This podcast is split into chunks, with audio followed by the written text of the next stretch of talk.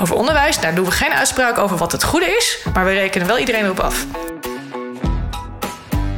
Ja, en dan had ik ook nog mijn bul. Maar ja, ja voor mezelf was die vrij waardeloos. Ja, ik, had, ik was zo'n hoepel gesprongen. Dan kan je toch niet allemaal in je eentje veranderen. Pak gewoon even iets heel concreets, iets meetbaars. Dan kunnen mensen je volgen. Het, maak het jezelf niet zo moeilijk.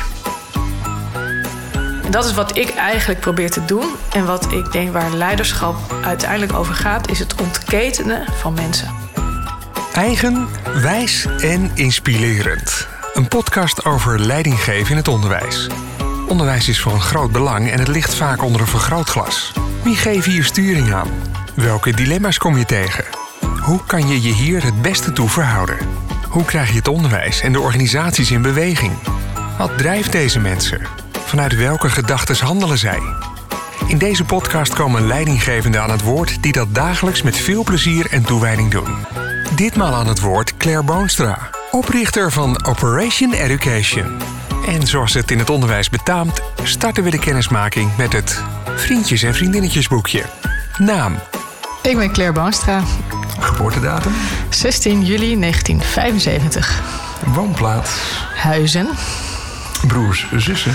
Uh, we hebben een A-serie halfbroers, drie uh, ja, half-siblings zou je het Engels zeggen.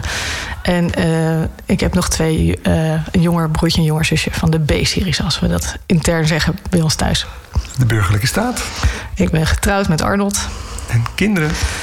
Uh, een zoon van 12, een dochter van 9 en nog een dochter van 7. De mensen in mijn omgeving kennen mij als. Iemand die ongelooflijk veel energie heeft. Um, heel passievol naar alles kijkt. Uh, gefascineerd is door het mysterie van het leven en vooral heel erg met onderwijs bezig is. We gaan het ontdekken. Als de wekker gaat, denk ik. Oh, dan moeten we weer. de routine. De kinderen klaarmaken voor school.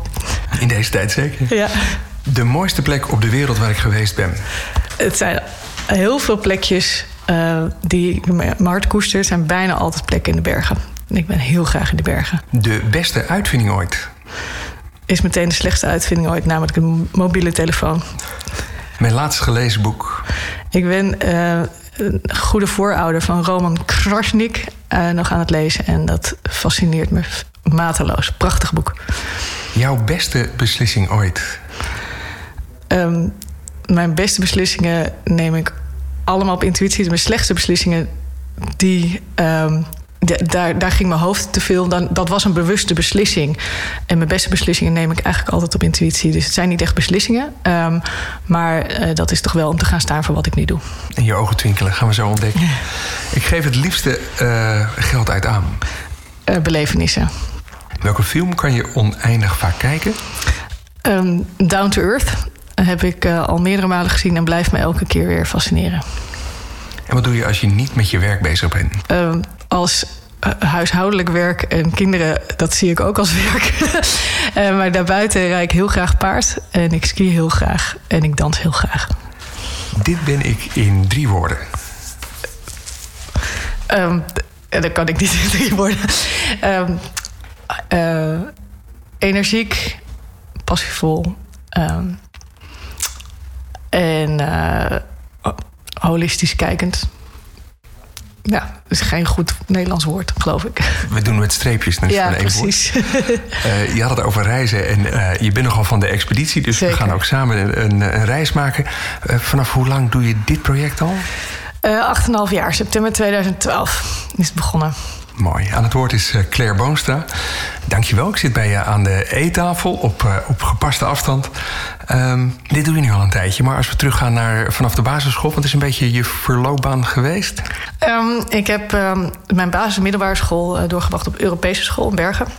Was al best wel een uh, bijzondere school in de zin dat we met heel veel verschillende nationaliteiten uh, bij elkaar zaten. Dus ik vond het doodnormaal om in één zin al vijf verschillende talen te gebruiken. Een heel internationale context. Um, heel veel vakken kunnen doen. Uh, ook al filosofie, verdieping wiskunde, um, uh, informatica zat toen al in het curriculum. Dan hebben we het echt over de 80er, begin 90 jaren. Um, verder wel heel traditioneel qua opzet, maar dat was, heeft me wel echt een hele ruime blik op de wereld gegeven.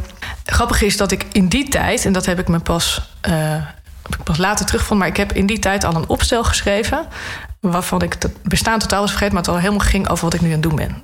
Uh, het opstel schreef ik over de vele voorbeelden in mijn directe omgeving en waarover ik had gelezen van mensen die ergens briljant in waren, maar zich niet helemaal rond hadden ontwikkeld en daardoor niet opvielen in het systeem, zeker in het onderwijssysteem. En ik eindigde toen dat opstel met de woorden: Het zou zo fijn zijn als ieder mens zodanig onderwijs zou kunnen krijgen dat hij zijn eigen grenzen kan bereiken. Misschien is dat in de toekomst ooit nog wel te verwezenlijken als er meer inzicht komt in de menselijke geest. Dat was toen. Um, maar ik was helemaal niet bezig met onderwijs of zag dat zeker niet als iets wat ik dan zou gaan doen. Ik had altijd al een fascinatie voor technologie. Ik ben ook in een heel erg uh, technologie gedreven gezin opgegroeid. Uh, allemaal ingenieurs. Ik wist al op heel jonge leeftijd dat ik naar TU Delft wilde. En ik ben daar civiele techniek gaan studeren. Ik ben ook ingenieur civiele techniek geworden. Maar ook in de tussentijd altijd bezig geweest met digitale technologie.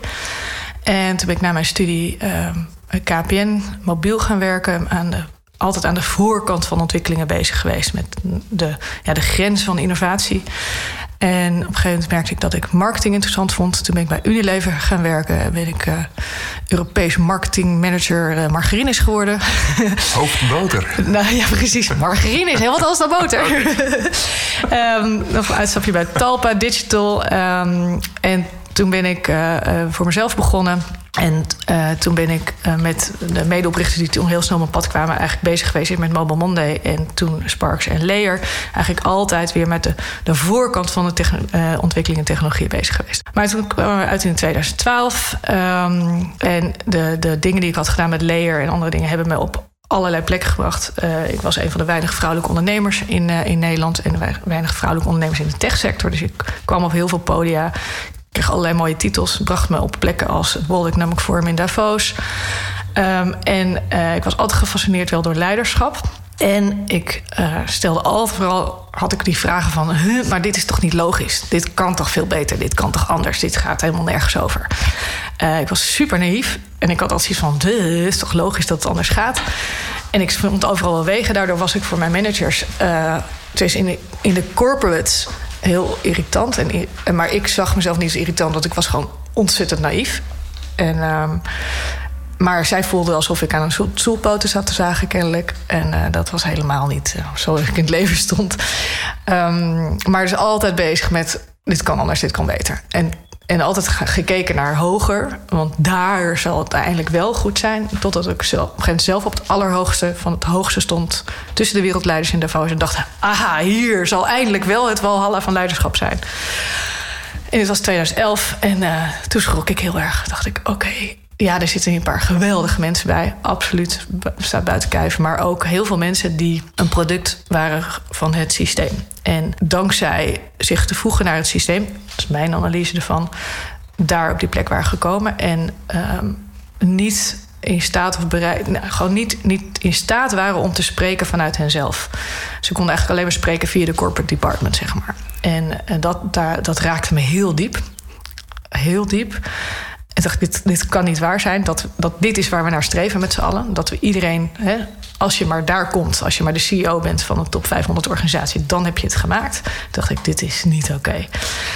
Um, en zo waren er meer punten waarvan ik dacht, dit klopt niet. Uh, ik merkte bij ook mijn techbedrijven hadden mensen nodig die gewoon dingen konden. Um, en de opleiding konden dat niet leveren. Want ja, dat was altijd outdated kennis. Dus daar dacht ik, huh? Ik merkte dat ik dingen nodig had die ik totaal niet had geleerd in het leven. En ik dacht, ja, maar hoe werkt dat dan met de liefde en met elkaar en interactie tussen mensen en nou, hoe we dingen met elkaar voor elkaar krijgen? Had ik absoluut niet geleerd. Hoe je intuïtie werkt, dat je op jezelf kunt vertrouwen. Afgeleerd. Nou, dat soort dingen. Ik dacht, dit klopt echt. Hier kloppen dingen, zoveel dingen niet. En ik begon me steeds meer zorgen te maken over waar we de wereld naartoe gaan. Toen dacht ik, ja, we moeten bij de bron beginnen. En toen in 2012 Layer uh, in een nieuwe fase kwam, is mijn eigen bedrijf, wat ik met twee anderen opgericht, wat de wereld overging. Uh, maar er was uh, ander leiderschap gekomen en toen wist ik, ik moet hier een stap opzij maken.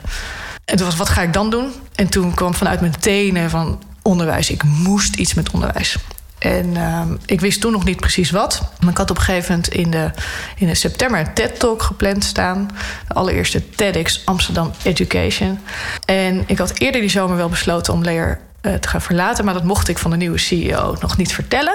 En toen heb ik de hele zomer zitten broeden op mijn verhaal. En toen eigenlijk de dag voordat ik uh, die TED-talk had... zei de CEO, morgen mag je naar buiten brengen. En dat was, hij wist niet echt dat dat die dag was. Dus nou, toeval bestaat niet. Die dag werd een soort coming out van mij. Uh, en toen stond ik op het podium daar en deelde ik mijn vragen, mijn verwondering, mijn, nou, mijn, mijn, mijn, ja, waar ik naar kijk, mijn gedachten. En deelde ik op het podium mee dat ik uh, Leer ging verlaten. Toen werd ik heel erg emotioneel. Dus ik stond daar met een brok in mijn keel, een traan in mijn ogen. En, uh, en toen zei ik, I have to do this. Ik moet dit doen. Ik zei, oké, wat ik wil gaan doen, weet ik nog niet precies. Ik wil iets van een education development ecosystem creëren. En die TED-talks zijn altijd Engels. En uh, nou, this is it, just me. Zo eindigde ik. Ik ben niet meer Claire van grote titels en grote bedrijven en grote alles. Wat ik daarvoor heel erg geweest was. Maar gewoon ik, mijn naakte ik. Nou, en toen was het uh, afwachten wat er ging gebeuren. Maar toen in de nou ja, directe minuten daarna, uren, dagen, weken, maanden, jaren daarna... Er zoveel mensen om me afkwamen tranen in de ogen, brok in de keel. Zeiden, oh, eindelijk iemand die hetzelfde denkt en voelt als ik. Ik dacht echt dat ik de enige gek was alleen roepen in de woestijn. Dat waren echt duizenden. Hè? Hoe kan dat nou? Zoveel mensen die hetzelfde voelen, maar denken dat ze gek zijn. En dat was 8,5 jaar geleden. Dus inmiddels is het echt wel wat veranderd. Maar toen dacht ik, wat zou er gebeuren als die mensen van elkaars bestaan zouden weten? En als ze zouden weten dat ze niet de enige gek zijn? Wat een kracht zou dat opleveren? En die mensen wilden ook allemaal uh, koffie drinken met mij. Nou, dat was wat lastig. Dus ik ben toen maar gewoon bijeenkomsten gaan organiseren. En daaruit is toen Operation Education geboren. En we zijn maar gewoon ja, gaan varen. Maar gewoon op pad gegaan. Maar gewoon van alles gaan organiseren.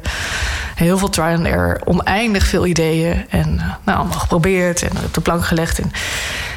Maar wat we, waar we nu staan, wat we nu hoe onszelf zien, is enerzijds uh, zijn we of is er een community, een ecosysteem, heb ik zelf het liefst over, van mensen die verantwoordelijkheid willen nemen en bereid zijn die te dragen voor uh, de transformatie naar, of in ieder geval een systeem, een onderwijssysteem, wat bijdraagt aan het welzijn van individu, samenleving en planeet. En aan de andere kant hebben we de activiteiten van onze stichting Operation Education. We zijn een non-profit. Uh, dat zijn eigenlijk interventies en, en programma's die die dat, die dat bewustzijn vergroten en ervoor zorgen dat er meer mensen in de community komen. Dus wij zitten eigenlijk.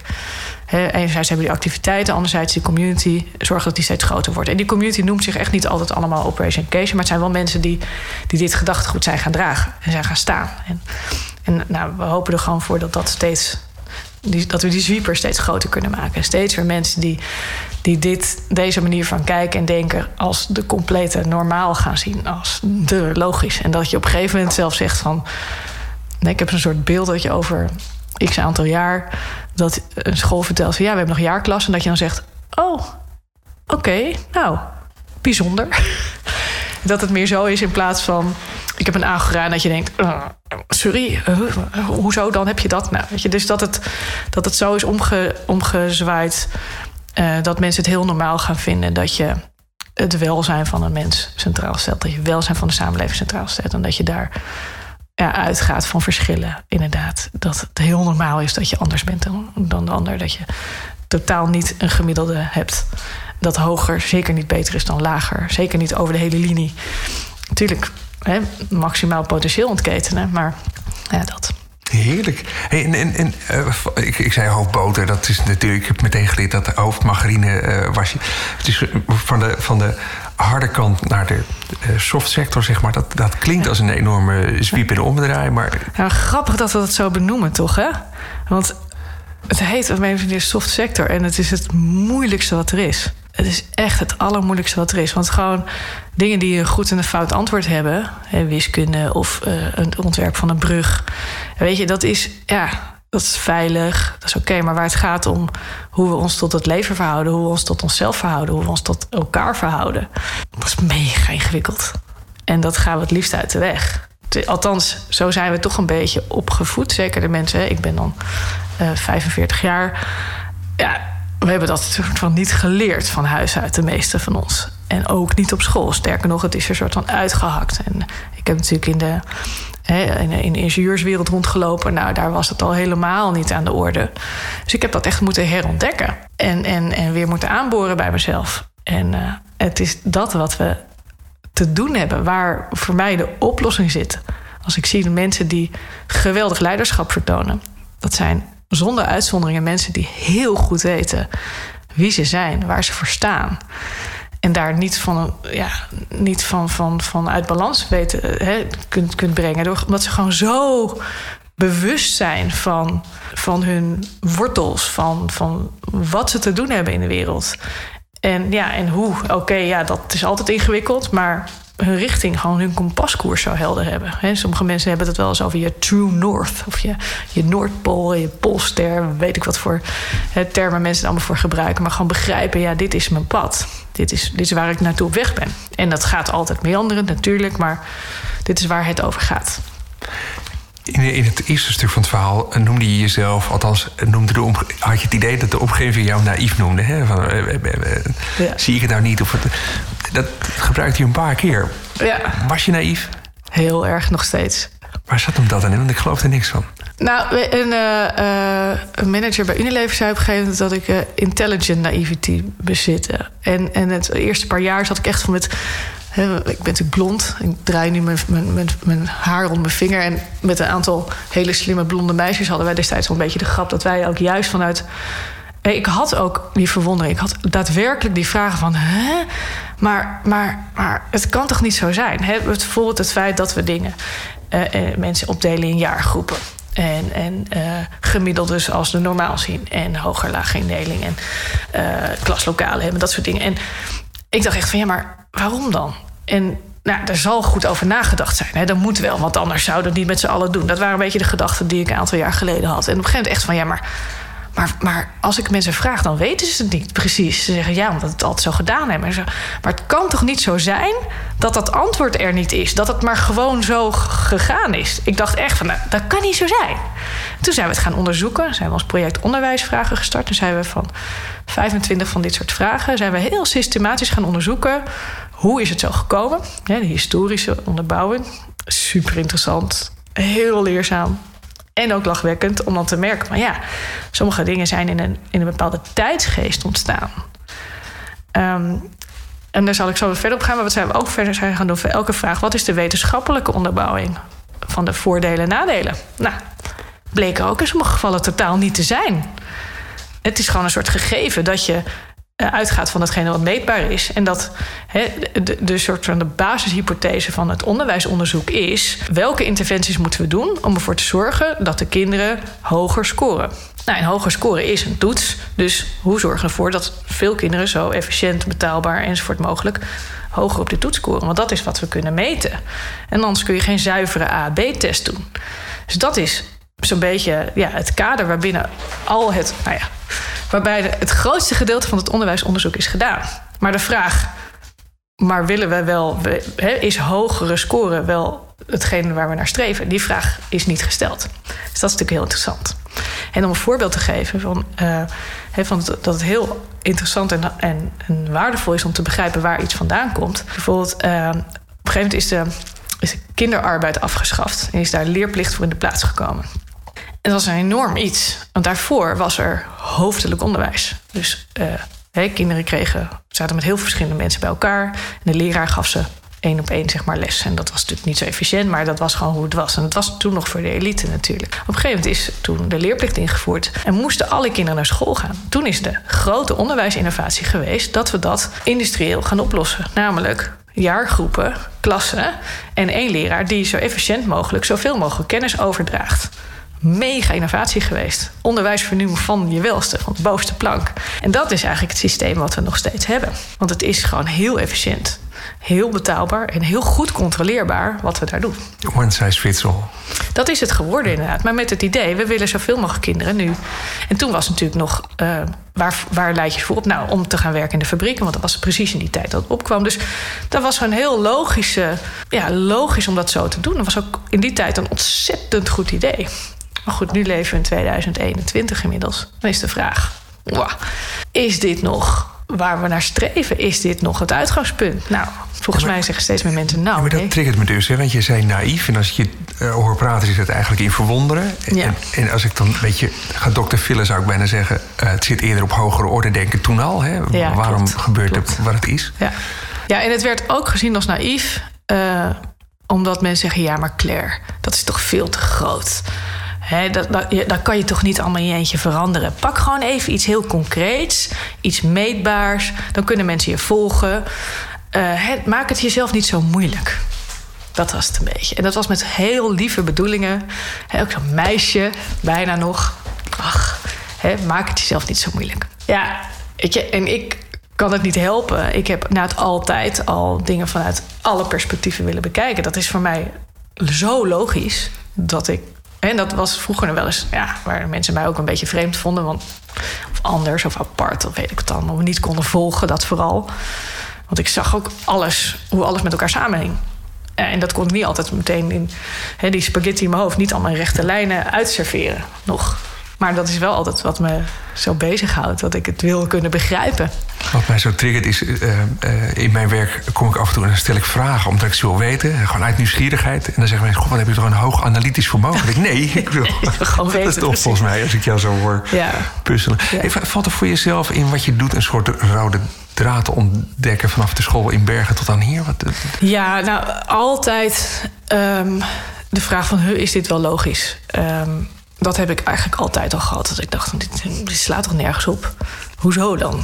Ik, ik zat wel op de universiteit al, had ik mezelf in allerlei onderwijscommissies gezet. En toen gingen we ook met de onderwijscommissie praten met de professoren van goh, zou je onderwijs niet beter kunnen? En dan vond ik het heel logisch dat van, van de lessen en de, de, de colleges die gewoon ronduit slecht waren, dat je daarvan in gesprek, daarover in gesprek ging met de hoogleraar of de universitair docent, wat dan ook. En uh, nou, dat was wel fascinerend, want de mensen die al heel goed waren, die zaten natuurlijk klaar met een brief van: oké, kom erop, kom erop, kom erop. En wij zeiden: nou, eigenlijk zijn we wel tevreden. Nou, dat kan niet zo zijn, jongens, kom op, je kunt wel iets verzinnen waar ik beter kan. Nou, niet zoveel, vind ik. He, zo. En de mensen die echt slecht waren, die, uh, nou, die gingen me achtervolgen. Echt, uh, echt dat was heel. Uh, nou, dat was ook heel raar soms. Echt mensen die echt echt het niet konden verdragen. Dat we gewoon ook zelfs heel constructief probeerden iets beter te doen. En toen zeiden ook al in het kader van naïviteit... mijn medestudenten, ach Claire, laat het gaan. Weet je, haal gewoon een zes, dan ben jij er vanaf. Ik zei, ja, maar al die generaties die na ons komen... die hebben met diezelfde ellende te maken. Dat kan toch niet zo zijn? Dat had ik altijd al. Vooral de mensen na ons, anderen... ik ben hier niet alleen, dat heb ik altijd gehad. En andere mensen zeiden, ja joh, laat het gaan. Laat het gaan. Nou, dat kon ik niet. Nee. Ik, ik zou maar zeggen, amen. Ja. Het spat van de ogen af. Je doet dus nu ook veel met leiderschap en mensen die zich willen ontwikkelen. Ja. Begin je langzaam een soort visie voor je, op leiderschap te ontwikkelen voor jezelf? Waar zit het? Ja, het is, dus die leiderschapsvraag heeft me enorm gefascineerd altijd al. Wat ik vertelde ook tot op het niveau van Davos. Dat ik dacht, huh, is dit het nou het leiderschap wat we willen? En um, toen ik mijn onderwijsavontuurreis begon... toen merkte ik ook al gauw... want ik, ik kwam ook al gauw in contact met allemaal mensen... die fantastische scholen en ontwikkelomgevingen hadden opgezet. En ik dacht, wauw, ja, dit is toch wat we bedoelen? Dan voel je gewoon en alles dat het klopt.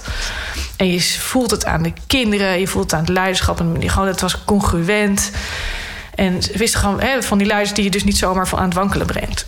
En dacht ik, waar zit dat nou in? En toen merkte ik ook al van, als die mensen gaan staan, dan ontstaat er dus verandering. En dan gaan mensen zich daartoe verhouden en zij veranderen gewoon het systeem. Dus daar zit iets in. Dus ik ben al gauw met die leiders van scholen als Mondemijn en Agora en Wittering en School of Understanding en nou, uh, Vathorst en, en heel veel meer. Zijn we gewoon al gauw, ja, eigenlijk ook heel erg bevriend geraakt. En, en we merkten gewoon met elkaar, waren we aan hetzelfde aan het werken. En zij merkten van dat ze busladingen met, met uh, geïnteresseerden over de vloer kregen. Allemaal zeiden, oh fantastisch. Ja, maar ja, bij ons kan dat natuurlijk niet. En sowieso van ja, we moeten ergens een, een, iets hebben. Een omgeving, een infrastructuur, een plek, een context... waar die interesse kan worden omgezet in meer actie. Hè, meer daarvan. Dus dat was uh, een aanleiding om ons meer daarmee te gaan bezighouden. En wat ik gewoon in alles merkte van ja... Um, het begint bij die bedoeling. Hey, ik had het net al over dat we die, die waarom doen we het eigenlijk zo vragen stelden. En dat is ook waar op een gegeven moment staat van... We zitten nog zo vast van, zo is het nou eenmaal... en dat is niet logisch dat het nou eenmaal zo is. Dus, en als je dat, daarvan los kunt komen... dan kom je eigenlijk in die vraag... Ja, maar wat is nou eigenlijk, waar gaat het over? En daar bleek ook geen antwoord op te zijn. En we gingen iedereen vragen van... wat is volgens jou de bedoeling? En uh, op het niveau van overheid en politiek was het gewoon... daar doen we geen uitspraak over, want dat is ideologie. Nou, dat dacht ik, hé, maar dat, kan toch niet? He, want het is wel van voortdurende aandacht van de, de, regering. En dat staat ook in de grondwet en zo. Maar we doen er geen uitspraak over. En dat komt natuurlijk omdat we ooit een hele heftige schoolstrijd hebben gehad. Waarbij al die religies hun eigen visie op ontwikkeling en onderwijs mochten hebben. Dus daar komen we niet aan. Dus daar, daar heeft dat zijn wortels in. Maar ondertussen vertellen we wel alles over de veiligheid van onze kinderzitjes en wat de staafje is en weet ik dan. Maar over onderwijs, daar doen we geen uitspraak over wat het goede is. Maar we rekenen wel iedereen erop af. dus, dus, dus dat was uh, het volgende iets waar we ons enorm mee gingen bezighouden. En daar zit ook gewoon, daar zit, wist ik gewoon, dit is de sleutel om het als je het antwoord op die waartoe hebt, dan kun je aan de slag gaan. Dus we zijn die, uh, die waartoe-vraag, of die antwoorden op overal gaan ophalen. Zijn op een gegeven moment maar gewoon uh, het op film gaan zetten en mensen hun antwoorden laten insturen. Hebben een mooi boekje van gemaakt. Wat is het doel van onderwijs? Toen hadden we het nog over het doel. Nu hebben we het veel meer over de bedoeling, het purpose. Maar toen eh, was het nog wat het doel van onderwijs. Een film gaan zetten. Uh, nou, er rolde in één keer een onderwijsfilm uit. We hadden helemaal zonder budget, helemaal de jongeren laten maken. En die werd tot onze grote verrassing in één keer de onderwijsfilm van het jaar. 2015 hebben we het dan over. En uh, dus dat begon een beetje te rollen. En, en die vraag stel ik nog steeds elke keer bij al mijn uh, sessies, interventies, wat dan ook. Altijd is die vraag de kern van alles. En het prachtige, het hoopgevende, het fascinerende is, is dat we allemaal dat antwoord wel weten, diep van binnen. Maar we hebben het er niet over, uh, context is er niet enzovoort. En we zijn het tot op het meest fundamentele niveau ongelooflijk met elkaar eens wie het ook vraagt. Welke culturele uh, of sociale of religieuze of wat voor achtergrond dan ook. Of uh, andere landen. Allemaal komen op dezelfde woorden. En we hebben op een gegeven moment een soort samenvatting gemaakt. En die luidt als volgt. de bedoeling van onderwijs en ontwikkeling is... eerste plaats leren ontdekken wie je bent. Waar je voor staat. Waar je naartoe wilt in het leven. Oftewel je eigen unieke en volledige... misschien wel oneindige potentieel leren ontketenen. In de tweede plaats samen het leven leren en samen leren leven. En derde plaats eigenaarschap leren nemen, of eigenlijk verantwoordelijkheid leren nemen voor je eigen leven en voor de samenleving waarnaar we streven. Namelijk vredig, gelukkig, gezond, duurzaam. En als ik deze uitspraak doe, mensen vragen gewoon: hè, wat vind je van? Ben je het hiermee eens? Herken je je eigen antwoorden hierin terug? Nou, zeggen mensen allemaal van ja, hier kun je het niet mee oneens zijn. Dat is interessant. Als we het hier niet mee oneens kunnen zijn, laten we het dan mee eens zijn. En tegenwoordig reduceer ik dit vaker tot. Uh, de bedoeling is eigenlijk het genereren, misschien wel het regenereren van individueel, maatschappelijk en planetair welzijn. En soms heb ik het over, eigenlijk zou onderwijs in alle opzichten een school voor het leven moeten zijn. School waar je hele leven naartoe gaat, waar je leert uh, te leven, hoe het leven werkt. En waar we leren hoe we goed met het leven op aarde kunnen omgaan. Want dat weten we nog niet zo heel goed. Daar zijn we een beetje kwijtgeraakt. We moeten dat opnieuw leren. Kan ik niet zo goed vangen in een toets, hè? Nee, dat is natuurlijk dat is de volgende stap. Want dat is, nou, dus dat is al, hè, maar, maar ik begin eigenlijk met voel je die bedoeling. Omdat bij mensen ook heel erg te ontketen. Dus dat is eigenlijk wat we ook doen. Want daar begint het. Als mensen dit voelen en, en, en ook voelen van ik mag hierin staan, ik kan dit, dan, dan dat is leiderschap in mijn ogen. Maar goed, hè, vaak als ik dit doe, zeggen mensen ja, maar dat kan niet. Want hè, dan vraag ik ook, nou, kom maar op. Wat staat er allemaal in de weg tussen jouw bedoeling, deze woorden die ik net noemde, of je eigen woorden, en je praktijk? Nou, heb je even. En dan uh, komen altijd uh, dingen als de inspectie. Niet genoeg geld. De prestatiesamenleving. De verwachtingen van de ouders. Mijn collega's zijn nog niet aan toe. De bestuurders. Ja, we hebben eenmaal klaslokalen. Hoe we het doen. Ja, ook wel. Mensen die zeggen, ja, eigenlijk zit het in mij. Eigenlijk durf ik niet los te laten. Veel te veel angst. Niet genoeg lef. Dus dat, ik zie dat eigenlijk hè, op vier niveaus. Dus je hebt het niveau van het systeem. Het tijd, geld, beleid, prestaties, maatschappij. Dan niveau van de anderen. ze zijn nog niet zo ver. De inspectie, de bestuurders, de anderen, de ouders. Niveau van de gewoontes.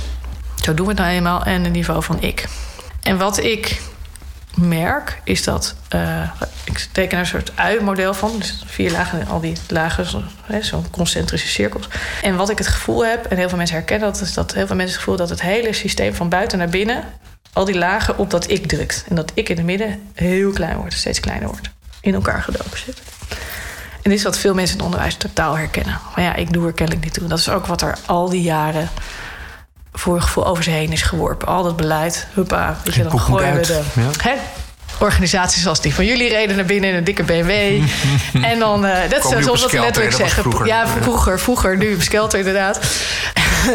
maar maar dat ze, eh, het werd over ze heen gestort. Ze deden niet toe. En eh, je hebt het maar te doen. En eh rammen maar. En dat is ook, en zeker hè, vorige week waren de verkiezingen. Dat is ook wat ik beproef in de samenleving. Dat mensen zich zo voelen. Van ik doe er totaal niet meer toe. Dus wat gaan we doen? Schreeuwen, roepen, angst enzovoort. Dat is denk ik tijd, deze tijd. En ook als mensen in het onderwijs zich zo voelen, dat is dus wat je voorleeft.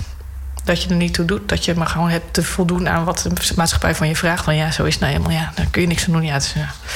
Dus dat is het negatieve, denk ik, van deze tijd. Of het, het verdrietige, de pijn. Maar aan de andere kant, dat zei ook al voordat we met de opname begonnen... er is zoveel moois gaande. Er zijn zoveel mensen die dat dus omkeren. En dus van het binnenste uit, vanuit die ik, zeggen... I have a dream. Ik heb een visie. Ik voel. Laten we. Kom op. En ik doe nu mijn armen wijd uit. Ze zeggen, ik ga staan. En wat er dus dan gebeurt, al die plekken die ik dat, hè, of mensen heb bestudeerd, die, die, die weten dus anderen, hè, die weten het systeem te veranderen. Hè, die doen dus dingen anders, of eerst de gewoonte te veranderen. Want die doorbreken klaslokalen soms letterlijk, die hè, zetten roosters op een andere manier. Die gaan gewoon dingen anders doen. Die weten daardoor mensen mee te krijgen, inclusief die lastige inspecteurs en die lastige ouders en de bestuurders. En, eh, hè, en die veranderen daarmee het systeem. Soms letterlijk omdat ze zeggen: Oké, wij doen hier niet meer mee. Eh, zitten aan tafel eh, bij OCW en zo. En, zijn letterlijk degene die nu het systeem in beweging brengen. En ik kan daar onnoemelijk veel voorbeelden van noemen. Maar het zijn de mensen die mij inspireren, die echt van binnenuit zeggen. En dat is wat ik eigenlijk probeer te doen. En wat ik denk waar leiderschap uiteindelijk over gaat, is het ontketenen van mensen. Want zoveel mensen hebben het gevoel dat ze dit wel weten en voelen. Zeker als je er naar vraagt, zeker als je de, de ruimte, de context creëert waarbinnen mensen weer bij hun eigen essentie kunnen komen. Wat ze. Maar hebben ze nu nog het gevoel dat ze een pleister op hun mond hebben of een soort demper op hun systeem. Als je die pleister van de mond weet te halen, dat ze dat zelf van de mond weten te trekken, die demper van hun systeem weten en zeggen: Oké, en dan en ze mogen gaan staan, ze kunnen gaan staan. Nou, echt wonderen worden er dan zie je voor je ogen gebeuren. En, en dat is wat wij met Expeditie Leiderschap... en met ons, ons jaarprogramma voor leiders... eh, eh, proberen te ontketenen. En dat lukt elke keer weer. Maar ook elke keer als ik met mensen, met groepen... eh, een, sessie doe... is dat wat ik altijd zeg. Ik hoop dat je je meer ontketend voelt. En dat je durft te gaan staan. En dat is ook wat de, de, de, de vaak teruggeven. Ook van ja, het is gelukt, Claire. Ik weet niet wat er is gebeurd, maar wauw. En dat is wat mensen gelukkig maakt. Als je gewoon voelt dat jij weer uh, ja, sturing kan geven aan je leven en, en, invloed kan hebben. En dat is uiteindelijk wat, wat we volgens mij te doen hebben. En, uh, en ik vind het zo hoopgevend dat mensen die antwoorden echt wel in zich hebben. Uh, Zo'n boek van Rutger Bregman bijvoorbeeld, van meeste mensen deugen. Ja, ik, ik, ik ervaar het elke dag. En mensen die, die foute dingen doen tussen aanhalingstekens of vervelende dingen doen, die doen dat vooral uit onvermogen. Vooral onvermogen om datgene wat ze voelen neer te mogen zetten. En daar ontstaan hele vervelende dynamieken op leiderschapsniveau. Van oh ja, ik durf niet uit te spreken. Hoe vaak heb ik niet met, met uh, Kamerleden gesproken of OCW zeggen: ja, ja, natuurlijk wat je, ja, de, dat vind ik ook. Maar ja, ik krijg er geen politieke meerderheid voor, dus. Ik kan niet, ik mag niet. Nou, dat. Dus we voelen ons ja, niet in staat om te gaan staan voor wat we vinden, voelen. En wat wij proberen te doen is om dat wat je voelt heel normaal te maken door een context te brengen van mensen die er ook zo in staan. En dan wordt het heel normaal. Je wordt, he, ik al gezegd, van je wordt zoals de mensen met wie je omringt.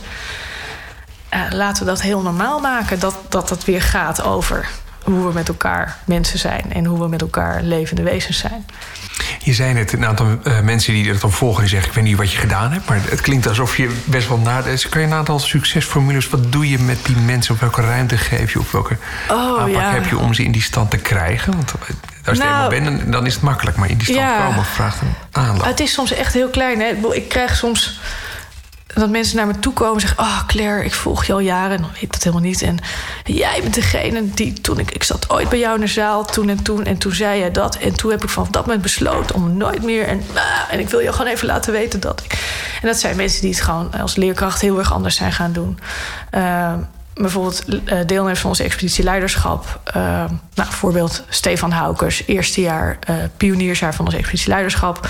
Die kwam bij Agora in Roermond. Dat was de allereerste Agora. En hij, hij was zelf schoolleider van een, van een, voortgezet onderwijsschool. En zei: Ja, ik ga Agora doen.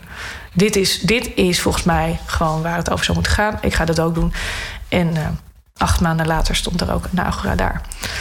En ja, ook allerlei nou, ook, schoolleiders of bestuurders van hele traditionele scholen. Die ook zei, ja, weet je, ik, die gewoon stap voor stap voor stap, die ook gewoon hun verhaal van binnenuit zijn gaan ontketenen. We merkten mensen die, die tijdens hun expeditieleiderschap zeiden van, joh, we hadden ouderavond en we hadden net die oefening gedaan over je verhaal. En mijn hele team zei, de ouder zei, jeetje, wat een verhaal is hier ineens aan mijn lippen en ik wist niet wat me overkwam. En nou ja, zo kan ik nog even doorgaan. Um, en bijvoorbeeld laatst was ik bij uh, Kim Onderwijs en Opvangen in Uden. En daar had ik ook uh, nou, online sessie gedaan met alle medewerkers. En uh, Tillemans, de bestuurder, die gaf me de dag daarna terug. Die zei, Claire, er is hier een sfeer. Het is niet, het is niet te beschrijven, maar wow. En dat was gewoon een, een, een, ja, doordat ik ze ook had... Nou ja, toch een beetje ontketend. Een, een, een soort sfeer ontstaan van... oké, we kunnen dit we mogen dit. Gewoon, mogen, dat is het vooral. Ik mag datgene wat ik van binnen heb en voel, mag er zijn.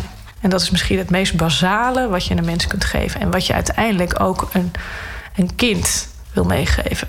Een leerling, hoe we het ook kunnen noemen. Een kind, een jongere, een mens. Jij, jij bent oké wie je bent. En wat je, ja, ga maar staan. Pak maar die ruimte. En, en dat gaat dus niet over ego's. Het gaat juist over je verhouden tot en daar, daarmee bezig zijn. Maar niet omdat iemand zegt: wij hebben erover nagedacht en jullie zouden gewoon zo moeten doen. Want wij weten het beter dan jullie. En dat hele verhaal: wij weten het beter dan jullie.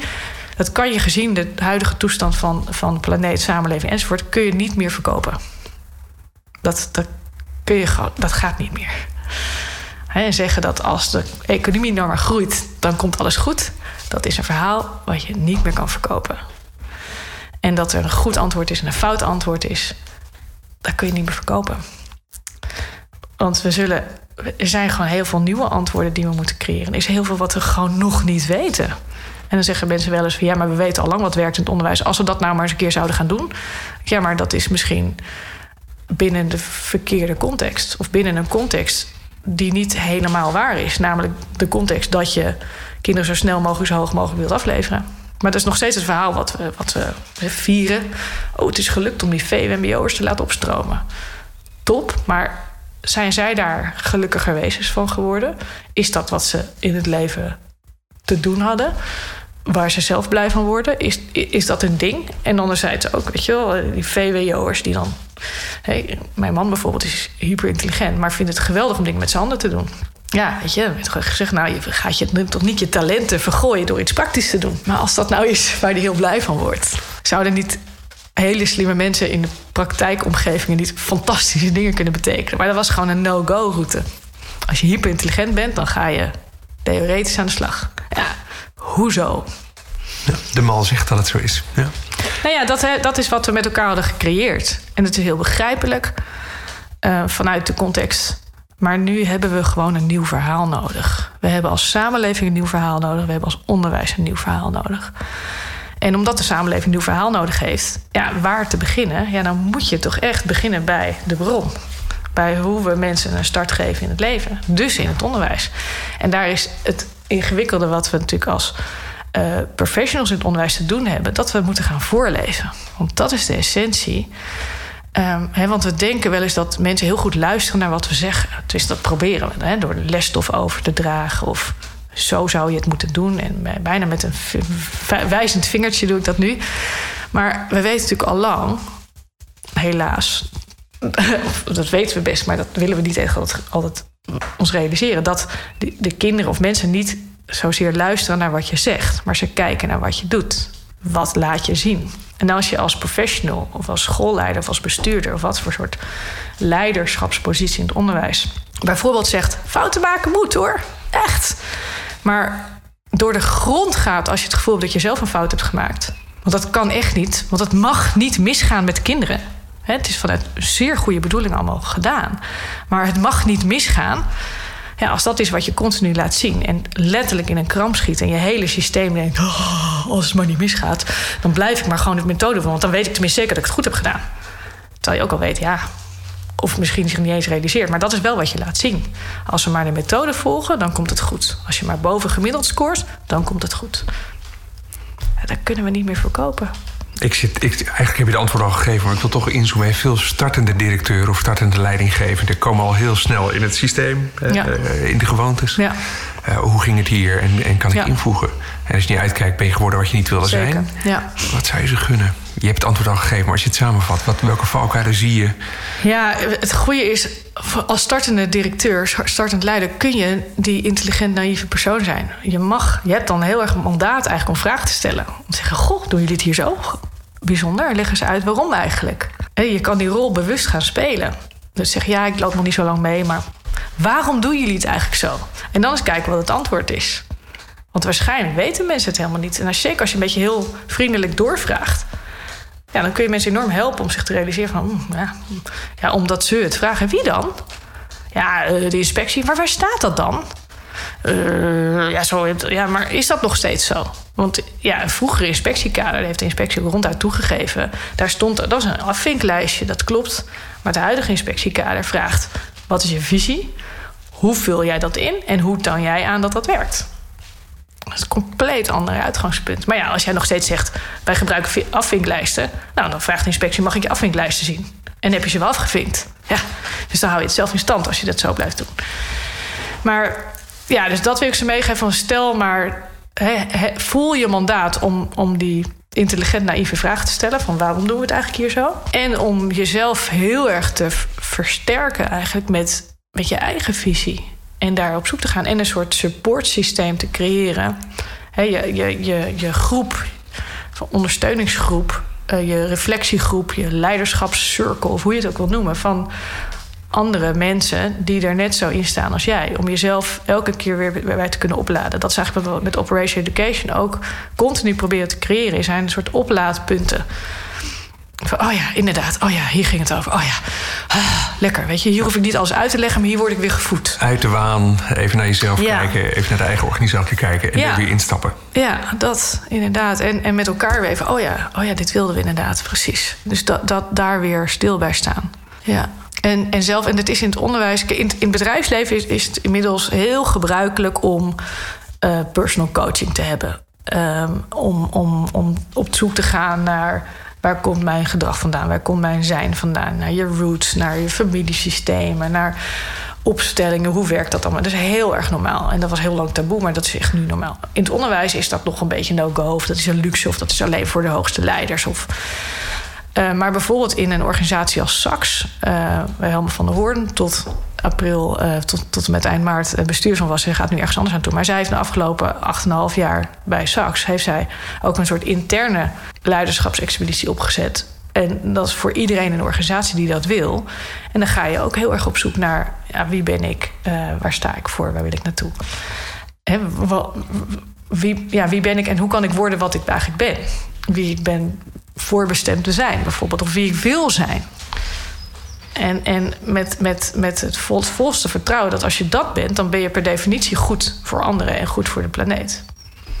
Want dan zul je nooit egoïstisch gedrag vertonen. En dat is een mensbeeld, hè? Sommige mensen kunnen dat naïef vinden, nou dat kan, dat is oké.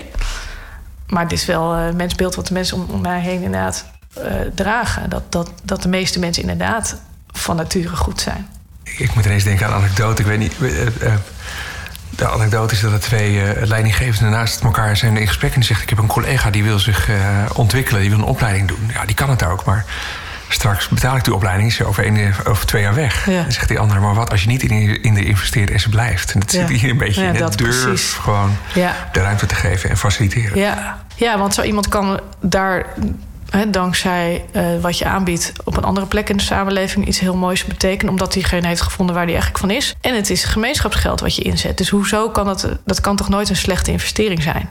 Hé, hey, ja, ik snap dat je denkt van ja, maar mijn budget en. Uh, Maar uiteindelijk is het gemeenschapsgeld, is het publiek geld. Dus zeker in de publieke sector zou dat altijd een goede vraag zijn. En inderdaad, wat als ze zouden zijn gebleven? Hey, je moet op een gegeven moment ook, uh, als het niet meer werkt, stel je wil als school in beweging komen en er zitten mensen die, die, die echt heel erg graag willen blijven bij, uh, bij jaarklasse of bij voorspelbaarheid of gewoon dat echt nog niet aandurven. Dat kan en, en, en niemand zou ongelukkig moeten zijn op zijn werkplek. Dan moet je op een gegeven moment ook elkaar wederzijds uit het lijden kunnen verlossen. Zoals Tel Koendering dat zo mooi noemt. En dat is het eigenlijk. En, en als we kijken naar bijvoorbeeld de wetten van de natuur. De natuur is alles cyclisch. Je hebt altijd een lente, een zomer, herfst en de winter. Opbloeien, afsterven. Maar wij durven dat niet meer. Een bedrijf mag niet doodgaan. Oeh, failliet. Maar het is logisch dat je op een gegeven moment een rol... dat die uitgespeeld is. Dat het klaar is. Dat een dienstverband klaar is. Dat je klaar bent met elkaar. Kan. Dat is zelfs gezond. In natuur is dat allemaal normaal. Nou, laten we dat als mensen misschien ook wat meer erkennen. Dat, en, en, en zeker zelfstandig werkende mensen... die doen dat al veel meer van nature. Die, die, die zijn ergens. Op een gegeven moment voelt het gewoon niet goed meer. Of dan klikt het niet meer. Nou, dan neem je afscheid van elkaar... ga je op zoek naar iets wat wel beter past. En dat hoeft helemaal niet te zijn dat je dan moeilijke tijden uit de weg gaat of zo. Integendeel. Het kan juist heel uh, gezondmakend zijn om gewoon te constateren dat het niet meer werkt en dat je op een andere plek beter tot je recht komt en iedereen er beter van wordt. En dat is natuurlijk nog iets wat ook in het onderwijs nog niet een, uh, een gewoonte is. Um, ik merk dat onderwijsteams het heel graag het heel fijn met elkaar hebben en dat ook graag zou willen houden. Dus ook juist daarom niet te moeilijke gesprekken aangaan over bedoelingen, over waarom doen we wat we doen. Um, ja, en dat is begrijpelijk, want je wil die familiaire sfeer houden. Um, en het, is ook, het zijn steeds meer feminine organisaties geworden. En dat is heel mooi. En anderzijds kan dat wat, ja, wat, wat uit balans zijn geraakt. Omdat je ook niet meer uh, nou, af en toe ook gewoon met de vuist op tafel durft te slaan. En zeggen, jongens, dit, dit kan niet. Het is niet oké. Okay. Klopt niet. Het is niet in het belang van ons. Niet in het belang van, van de kinderen. Niet in het belang van wie dan ook. Laten we ermee stoppen. Maar dat is heel nou, Het moet wel gezellig zijn in de lerarenkamer. Het, is, ja. het ben ik met je eens. Het is bijna sneu dat je iets ziet bij een collega... waar je helemaal voor haar beter op kan maken... en ja. uit, de, uit de lieve vrede niet deelt. Ja, precies. precies. Kinderen zou het waarschijnlijk wel doen. Ja, ja, ja. ja dus dat is ook wat we voorleven daarin. Hè? Want we vinden inderdaad dat kinderen het met elkaar moeten oplossen. Maar ja... Het is ook met leiderschap iets wat ik echt wel aanstippen. Want ik hoor vaak leiders, zeker leiders wat hoger in de boom, zeggen: Ja, ik gun het mijn directeuren zo, ik gun het mijn weet je, ik gun het ze zo. Dat zij hè, dan. Ja, maar hoe zit het met jezelf dan? Ja, nou, ja. Mm, het zelf aangaan, zeker op een wat hogere leiderschapspositie, merk ik, is, is soms heel spannend. Um, en ik probeer elke keer weer tegen juist die leiders aan te houden van ja, maar als jij niet voorleeft, als jij niet volledig gaat staan, als jij niet ook in je volledige kwetsbaarheid durft gaan staan, dat je het gewoon echt niet weet. Want we weten echt niet hoe het moet. En daar niet durft in te gaan voorgaan, ja, dan kan niemand in je organisatie mee. Dan kun je het hen wel gunnen en dan zeggen ja, maar mijn visie is dat ik het van onderaf laat ontstaan. Top. Maar als jij er niet de veiligheid voor creëert door het zelf in voor te gaan, dan gaat er niks gebeuren. Dan kun je hoog en laag gaan springen en op je kop gaan staan, maar dan gaan ze echt niet in beweging komen. Ook al gun je het ze nog en al ben je nog zo'n dienend leider, als je niet in voorgaat, dan ja, blijft het daar waar het is. Welke ontwikkelingen komen er op het onderwijs af waar we langzamerhand uh, iets van moeten gaan vinden, vind je? Oef. Uh, nou, we moeten echt het gesprek gaan voeren over hoe we goed uh, waarderen. Bijvoorbeeld het eindexamen. Om een heel groot heet hangijzer even aan te stippen. Um, we hebben met elkaar ooit bedacht dat een eindexamen een goede afsluiter is om dan de vervolgopleidingen de zekerheid te geven van deze kandidaat kan dit. Top. Alleen het is nu een soort hoepeltje geworden waar we doorheen moeten springen. Waarbij we dingen moeten aantonen die, waarvan we stiekem ook wel weten, diep van binnen, dat het natuurlijk niet heel erg aansluit bij wat de samenleving echt vraagt of wat een vervolgopleiding vraagt. Het is namelijk puur cognitief. Het is niet eens of je de kennis beheerst, maar of je in staat bent om op een bepaalde manier antwoorden te geven volgens het antwoordblad. En zoals Nienke Luiks, die voorzitter van het LAXIS, laatst benoemde, het is zweten, meten, vergeten. En ik zit om, loop al een tijdje met een plannetje in mijn hoofd van wat als we nou 100 toonaangevende mensen in onze samenleving, alle posities, vragen om hun eindexamen opnieuw te maken. Ik durf te stellen dat ook al doen we echt ons best, dat niemand het haalt. Zomaar zonder eindeloos oefentoetsen te doen. En ik denk ook dat als we studenten die vorig jaar een eindexamen hebben gedaan, als we die het opnieuw laten doen, dat die het ook niet meer halen. En als dat zo is, hè, dan moeten we ons echt afvragen: maar wat, waartoe dient dat eindexamen dan? Is dit serieus een toegangsticket voor? Wat heb je geleerd? Je hebt laten zien dat je in staat bent om te dansen met het systeem. Om je op een zeker moment te voegen naar wat het systeem vraagt. En is dat nou precies wat we willen aantonen? Maar dan de vraag, ja, maar wat als we het loslaten? Ja, ja dan moet je bijvoorbeeld met het toegangspoort-examen gaan doen bij een vervolgopleiding. Ja, weet je, dat hebben ze in sommige andere landen. Ja, kan interessant zijn. Uh, of, of een soort uh, certificaat van uh, voor, voor competenties te werken. Want er zijn natuurlijk heel veel studenten. als ik naar mezelf kijk bijvoorbeeld, ik ben dan Delfts ingenieur civiele techniek geworden. Maar wat ik echt heb geleerd en wat mij waardevol heeft gemaakt voor de rest van mijn leven, is alles wat ik daarnaast heb gedaan in mijn studententijd. En natuurlijk ook daarvoor, maar vooral mijn studententijd. Daar heb ik competenties op gedaan door alle bestuurtjes en commissies enzovoort. En stages en weet ik wat allemaal wat ik heb geleerd. Dat heeft mij, dat was mijn ticket naar de toekomst. Ja, en dan had ik ook nog mijn bul. Maar ja, ja voor mezelf was die vrij waardeloos. Ja, ik, had, ik was door een hoepel gesprongen. Maar één, ik heb er nooit iets mee gedaan. Zwaar, oké. Maar, maar ja, alles wat ik heb geleerd over hoe we met elkaar dingen voor elkaar krijgen, dat, dat was wat me een voorsprong in het leven heeft gegeven. Daarmee sprong ik eruit bij andere bedrijven en, en, en werkgevers. En voor mezelf ook.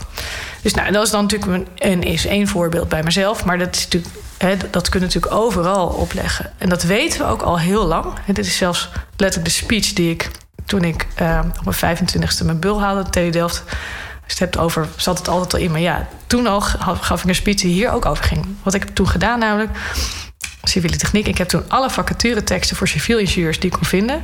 heb ik bij elkaar geraapt en heb ik een lijst gemaakt van de gevraagde competenties. En dat ging alleen maar over um, ondernemerschap over uh, communicatieve vaardigheden, over creatief denken, uh, kritisch denken, noem maar op. Het stond allemaal letterlijk, een hele lange lijst. En ik merkte op, en nergens wordt kennis van grondwaterstromingen gevraagd. Zelfs bij de, de, de, de, de, de vacatures waar dat relevant was. En zeiden mensen, ja, maar dat is flauw, want dat, die vroegen dan... Nee, dat is niet waar, want soms kun je ook vanuit een heel andere richting... kun je ook dat vak gaan doen. Of die, die baan gaan invullen. Hm.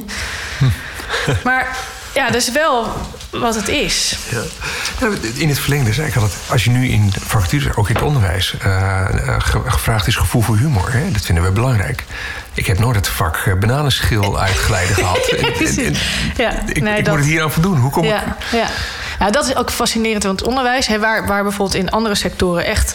in de vacaturetekst een best wel uitgebreide beschrijving staat... van het type persoon, persoonlijkheid en het type vaardigheden die gewenst zijn.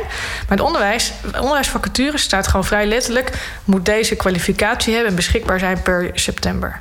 Dus alleen maar of je uh, gekwalificeerd bent om het vak Duits te komen geven. Punt. En niet inderdaad of jij goed bent met kinderen, of je ziet, of je zelf. Weet je, niet. Het wordt niet eens gevraagd. En er wordt ook zelden nagedacht over wat ze aanbieden qua wat ze echt zijn. Hè? Precies, maar dat bedoel ik. Terwijl je als leerkracht ben je de ultieme rol die mens zijn moet voorleven. Dat, dat, dat is gewoon wat je te doen hebt. Wat je, ja. En de geweldige docenten die we ons allemaal herinneren, die waren dat. Die brachten ons iets bij op het mens zijn vlak. Of hoe we dat met elkaar doen. En die iets in je zagen en zien. Ik praat in de verleden tijd bij mezelf natuurlijk al een tijdje geleden, maar bij anderen. Dat, en dat, dat gaat, is echt niet alleen mijn situatie. Dat weten we allemaal, dat dat gewoon best wel universeel is. Dus nou, dat is. Dus nou, wat komt er op ons af? Het, het, kijk, waarom ik het nu aanstip? Omdat we bijvoorbeeld vorig jaar, toen we in de, in de eerste lockdown zaten, toen was in één keer, ja, maar wat gaan we met het eindexamen doen? En toen, oké, flexibele invulling. Nou, dat was natuurlijk een geweldige kans geweest om te zeggen, nou, nou doorpakken. Maar dit jaar werd al door de minister in heel vroeg stadium gezegd, linksom of rechtsom, eindexamen gaat door. En dus ging iedereen de eindexamenklasse hup naar school, rammen, rammen, rammen, rammen, rammen, rammen, want geen achterstand. Teaching to the test, ja. Precies. En hoor je de hele dag. Ik, ik, luister weinig publieke zenders of kijken. Maar ik hoor wel, als ik toevallig aan heb staan, dan hoor ik alleen maar van de, de Luzaks van deze wereld. En, eh, prachtig wat ze proberen te doen, maar alleen maar achterstanden uh, inhalen. En dat is wat we in het collectieve bewustzijn van mensen hebben geramd, is dat we allemaal achterstand hebben opgelopen. En dus zeggen we: onderwijs is een programma. Want anders zou je geen achterstand hebben kunnen. En dat is ook een vraag. Ja, maar we kunnen het onderwijs toch niet als programma zien? Zeker niet als de bedoeling is zoals we die eerder hadden benoemd. Dus dat zijn dingen, dus dat, dat komt sowieso op ons af. Dat, we, we gaan met z'n allen die vragen gaan stellen. En ik zie steeds meer mensen, hè, leerkrachten, uh, jongeren, hè, leerlingen, ouders enzovoort opstaan die zeggen: Ik doe hier niet meer aan mee. Hè, de, de blogposts van, van leerkrachten die zeggen: Zo, de erop. Die hebben in één dag 20.000 likes en gaan hè, uh, de wereld over, naar in ieder geval Nederland door. En, en uh, dus we voelen allemaal, dit willen we niet meer. Dus, dus dit gesprek gaat gevoerd moeten worden. Alleen iedereen schuift voor zich uit. Want ja, wat is het alternatief? Ja, het alternatief is dat je, dat je het op een heel andere manier moet gaan benaderen. En dat vinden we super spannend. En ik ben zelf een, een ruiter nou, van paardrijden. En ik zie een beetje de parallel tussen... Je hebt, je hebt verschillende sporten natuurlijk binnen paardensport... maar je hebt even de springsport... waarbij je over balken heen springt met een bepaalde hoogte... en die heb je wel of niet geraakt in een tijd meetbaar. Je hebt ook de dressuursport. En daar is het maar ja, de ogen van de jury die iets mooi vindt of goed vindt. En daar kun je heel veel ja, gedoe over hebben. Van wie bepaalt wat. Maar ja, en het is net zoals met kunst beoordelen. Of een dans beoordelen. Ja, wanneer is het goed of niet goed? Dan moet je je professionaliteit gaan inzetten. Dan kun je niet met punten werken. Nou, die omschakeling zullen we in het onderwijs moeten maken. Dat we durven te vertrouwen op de professionaliteit van de expert. Om te kunnen inschatten, hier is goed geleerd. En de vraag is, durven we onze experts te vertrouwen om daar een goed oordeel over te leveren? Daar gaat deze vraag over. Vertrouwen we onze docenten en onze leerkrachten wel? Vertrouwen we de schoolleiders dat ze hun kinderen goed genoeg in beeld hebben? Vertrouwen we de besturen dat ze dat. Nou, dat is de ultieme vraag op dit moment. En daar uh, hebben we heel wat in te doen. Ik probeerde deze podcast tot een uur te comprimeren. Ik, ik, had een dag, moet, kan, een dag moeten reserveren. Ja. Maar waar hebben we het niet over gehad... wat, wat we eigenlijk nog even hadden moeten aanstippen? Mm, nou, ik denk dat we heel veel wel besproken hebben. Het belangrijkste in ieder geval wel. Als kleine meid schreef je je opstel over het eigen grenzen bereiken. Als je daar nu op terugkijkt. Ik ben er nog lang niet. Waar ligt die grens bij jou? En wat ga je doen als je hem bereikt hebt? Ja, en, en, en ik zie het juist niet meer als grenzen. Dat is het grappige. Uh, ik, ik, leg wel mijn grenzen bij de dingen, bij, bij mijn eigen lat die ik heel hoog leg. Uh, wat ik ook van mijn kinderen verwacht. Nou, waar ik vooral op dit moment heel erg uh, wat me bezighoudt, waar ik mezelf heel erg tegenkom, is dat ik nou, in mijn werk naar buiten allemaal heel goed weet, maar dat ik het zelf best wel ingewikkeld vind om het thuis bijvoorbeeld goed voor te leven. Met mijn kinderen. Nou, en dat is uh, kwetsbaar gebied, zeg maar. en, uh, en dat is heel. Uh, ja, dat betekent een hele hoop zelfonderzoek. En want ik wil eigenlijk ook een goede voorouder kunnen zijn. Ook uh, van het boek wat ik nog aan het lezen ben, bijna klaar heb. hoe kan ik zelf een goede voorouder zijn? Hoe kan ik zelf voorleven? Can I lead by example? En uh, voor velen doe ik dat ook al wel. Maar ik ben zelf nog niet heel erg uh, tevreden, laat ik het zo zeggen. Ik kan dat beter. Dus ik wil, ik wil daar meer ontspanning in hebben. En ja, dus, uh, dus dat. Aan het woord was Claire Boomstra, dankjewel. Graag gedaan, dank voor de podcast. Welke inspirerende leidinggevende wil jij wel eens aan het woord horen? Laat dat me gerust weten via frank.schildkamp.bmc.nl